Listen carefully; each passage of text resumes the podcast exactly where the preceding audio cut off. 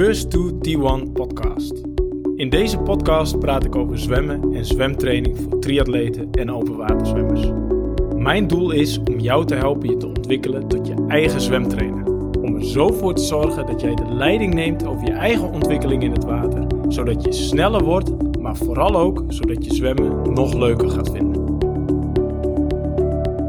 Mijn naam is Jan Nolles en vandaag deel 2 over hoe je je training weer het beste kan oppakken na een periode van geen of minder training zoals wij de afgelopen maanden ervaren hebben. Ik ga bespreken wat de invloed van deze periode is geweest op je techniek en wat je het beste kan doen om deze weer zo slim mogelijk op te pakken en weer op te bouwen.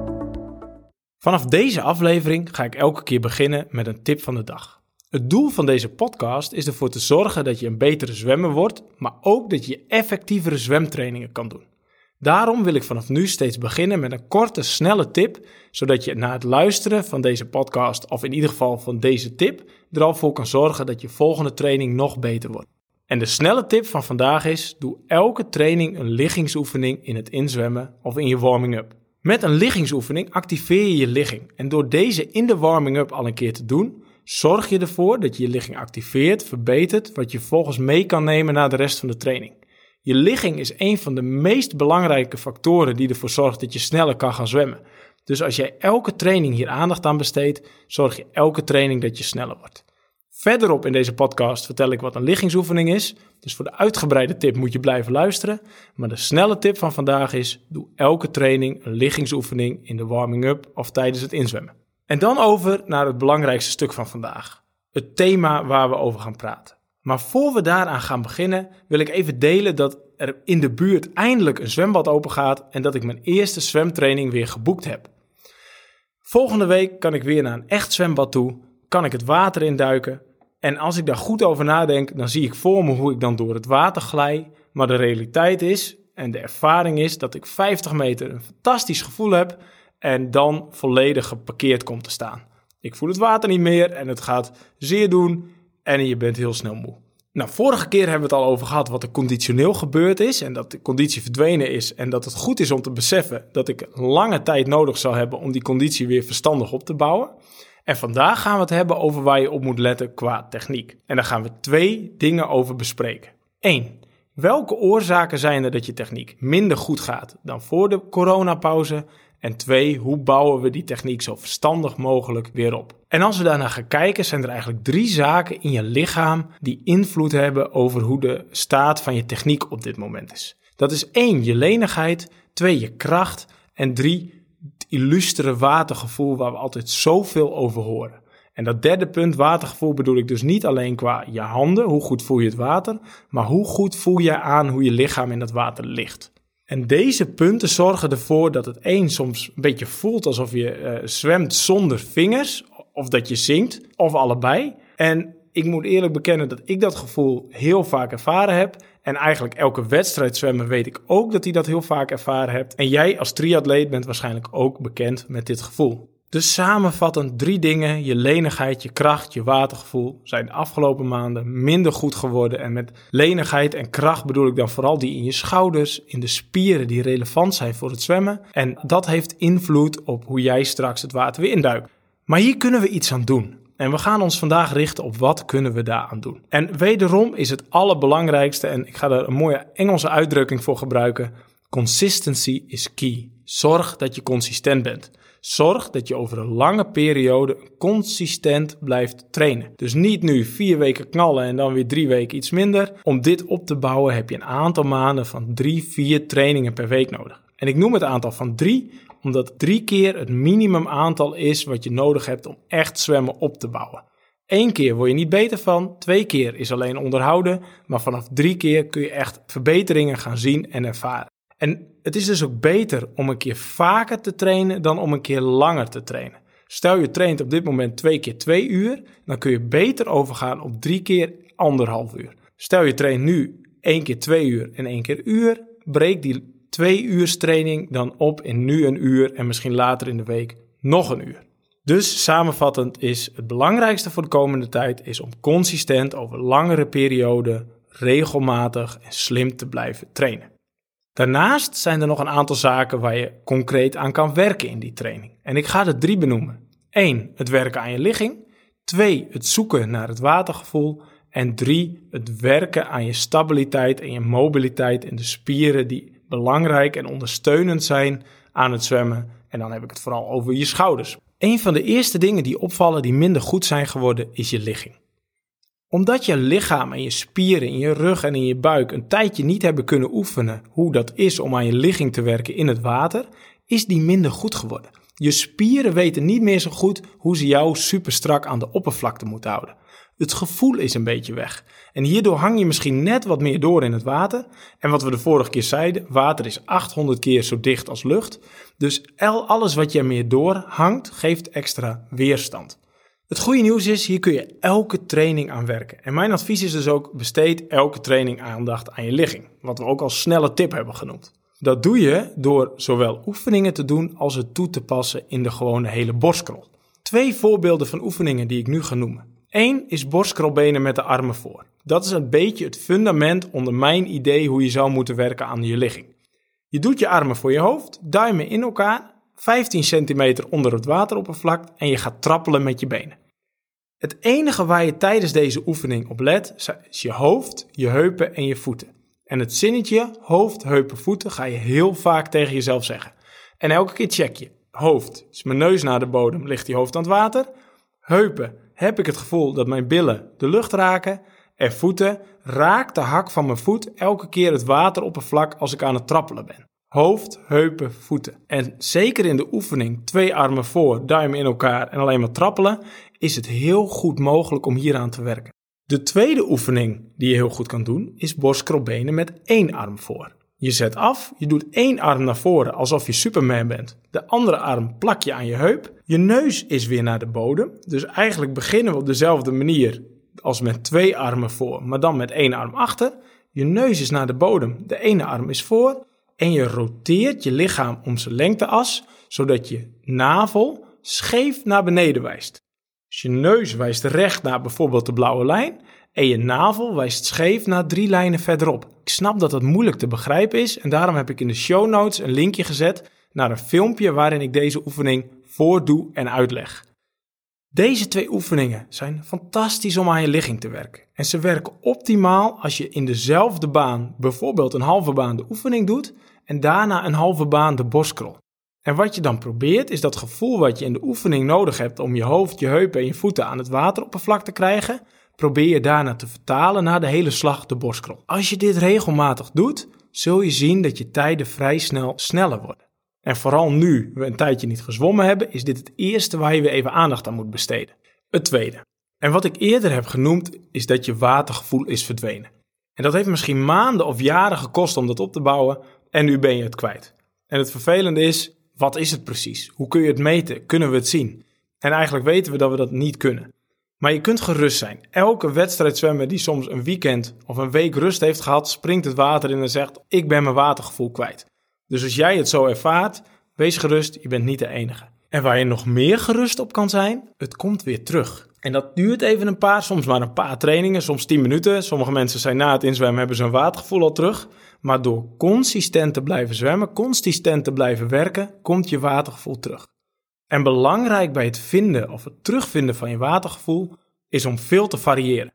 Wij zwemmers en triatleten houden van repeterende bewegingen, dus het liefst doen we elke beweging hetzelfde. Maar vanuit de motorische leertheorieën zien we dat we sneller dit soort bewegingen leren en zeker dit soort gevoel terugkrijgen als we variëren. Dus hoe meer jij varieert, hoe sneller een goed watergevoel terugkomt. En voorbeelden hiervan zijn bijvoorbeeld borstkrolzwemmen met je vuisten, borstkrolzwemmen met je vingers open, borstkrolzwemmen via een andere route onder water. Kijken of je een baan lang elke keer je borstkrol-armslag anders kunt doorhalen, is een fantastische oefening om beter borstkrol te leren zwemmen. Dus varieer, wissel af. En een concrete oefening is skullen. Ik zal een filmpje in de show notes zetten naar hoe je dit goed kan doen. Maar skullen zorgt ervoor dat jouw hand gedwongen wordt om in de juiste posities op zoek te gaan naar dat watergevoel. En ook bij skullen geldt, wissel dit af. Mijn ervaring is dat zwemmers en triatleten dit het liefst elke keer precies hetzelfde doen, maar het wordt effectiever als je het juist elke keer een beetje anders doet. We hebben je ligging en het watergevoel gehad. Dan hebben we nog het derde punt over. De stabiliteit en mobiliteit van je gewrichten. De stabiliteit van een gewricht is de mate waarin dat gewricht door je spieren zichzelf goed op zijn plek kan houden.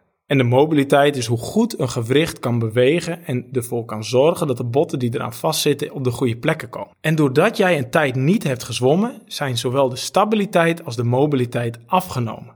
De spieren rond je schouder zijn minder sterk geworden en hebben daarom meer moeite om bijvoorbeeld je schouderblad op zijn plek te houden. Nou, en dit voel je, um, voel je misschien, maar nog waarschijnlijker is dat je dit niet voelt, maar dat je lichaam stiekem gaat compenseren, waardoor je dat net niet helemaal goed doet en je techniek dus eigenlijk minder goed geworden is. En met oefeningen op de kant kun je er heel goed voor zorgen dat dit beter wordt. Ik zou eerlijk toegeven, ik ben geen expert op dit gebied. Daarvoor zul je toch op zoek moeten naar een fysiotherapeut of een fysieke trainer. Maar wat ik gevonden heb, is dat met behulp van bijvoorbeeld een TRX het heel goed mogelijk is om hier ook op de kant aan te werken. Een TRX is een soort driehoek, een driepunt van spanbanden die je aan het plafond of aan de deur kan monteren en waar je scheef aan kan gaan hangen. Ik zal even een linkje in de show notes doen, zodat je kan zien wat het is. En wat heel goed werkt, is scheef in deze TRX gaan hangen. Of bijvoorbeeld ringen. Stel dat je in een gymzaal woont en je hebt ringen thuis hangen. Kun je ook heel goed scheef in die ringen gaan hangen. Dus voeten op de vloer, handen in de ringen en dan een beetje naar achteren lopen met je voeten. Zodat je er scheef in hangt.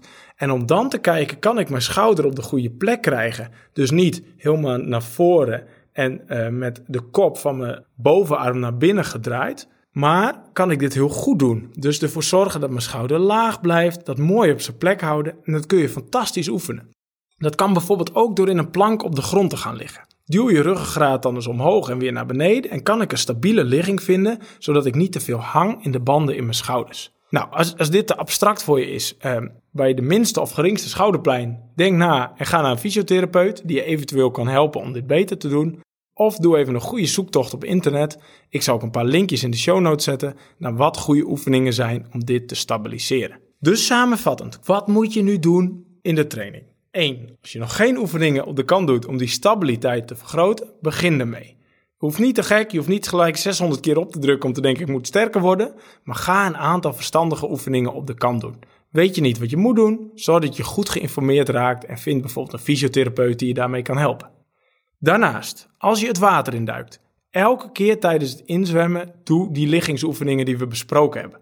Bijvoorbeeld, wat ik bij mijn atleten, bij mijn triatleten, bij mijn zwemmers in het schema zet, is tijdens het inzwemmen start met 200 slag naar keuze, zelf even uitzoeken wat je wilt, en daarna 4 keer 50 meter heen borstkrolbenen met de armen voor je hoofd, mag met zoomers, mag met snorkel, maar zorg ervoor dat je hoofd, je heupen en je voeten goed zijn, en dan de terugweg borstkrol. Elke keer tijdens het inzwemmen zulke oefeningen doen. Je kunt dat, wat ik nu zei, ook met één arm doen. Dus of bijvoorbeeld 4 keer 25 meter, halve baan borstkrolbenen met één arm voor, halve baan borstkrol. Of je doet 4 keer 25 meter de oefening en 4 keer 25 toepassen. Daarin kun je variëren, maar doe dat elke keer tijdens het inzwemmen. In de show notes vind je dus een link naar een blog die ik hierover heb geschreven en een link naar de filmpjes die jou voordoen hoe je deze oefeningen moet doen. Dus je hebt het inzwemmen gehad, je hebt de focus gelegd in ieder geval op je ligging. En daarna kun je een techniekken gaan doen. Ik zou ook aanraden, stop elke training een techniekken in je training. Ook als je een uur hebt, je techniek is nog belangrijker dan je conditie, dus stop er elke keer een techniekken in. En bijvoorbeeld in die techniekken zou ik nu de eerste weken aandacht hebben voor ligging en doorhaloefeningen. Dus wat ik net zei, skullen en dat elke keer anders doen doorhalen en dat elke keer anders doen. Zwemmen met één arm. En dan zou je ook nog kunnen zeggen: ik let heen, let ik gewoon echt heel goed op mijn techniek. Doe ik dat zoals ik van mezelf dat moet doen? En terugweg ga het weer afwisselen. Niet elke keer alles hetzelfde doen, afwisselen. Je zou ook kunnen afwisselen, bijvoorbeeld heen linkerarm en ik begin met heel breed insteken naar heel smal, naar voor mijn neus langs en weer terug. Je zou kunnen beginnen met heel ver naar voren insteken, doorhalen, naar heel dichtbij insteken en doorhalen. Je kunt variëren met heel diep doorhalen, met heel breed doorhalen. Dus wissel dat soort dingen af, weer op zoek naar het watergevoel. En daarnaast zorg je dat je in die techniekkennen ook stukken borstcross zwemt, waar je volledig de tijd, energie en focus hebt op je techniek. Dus je neemt iets langer rust, 20 seconden. Je zegt tegen jezelf, de volgende baan let ik op mijn hoofd, heupen en je voeten. En je let de hele baan of de hele 50 meter op dat punt. En dan als tweede zeg je bijvoorbeeld: Ik let nu de hele baan op mijn doorhaal en ik wil zien dat mijn hand de hele tijd recht naar achteren duwt. En je let helemaal daarop. Dus inzwemmen, altijd even aandacht voor je ligging. Dan een techniek kennen waar je nog extra aandacht voor je ligging kan hebben. En voor je doorhaal of je ademhaling of een van de andere vele punten waar je aan kan werken. En vervolgens ga je in de kern, ga je aan de slag met het verbeteren of terugvinden van je conditie. En we hebben de vorige keer richtlijnen gegeven voor hoe je dat kan doen. En vervolgens, als je dan die kern hebt gehad, even uitzwemmen. En wat we de vorige keer zeiden, dan snel op de kant aankleden. Want ik zei douchen, maar eigenlijk mag dat nergens nog. En in de auto naar huis en daar onder de douche. Na aanleiding van mijn vorige podcast heb ik hele leuke reacties gehad.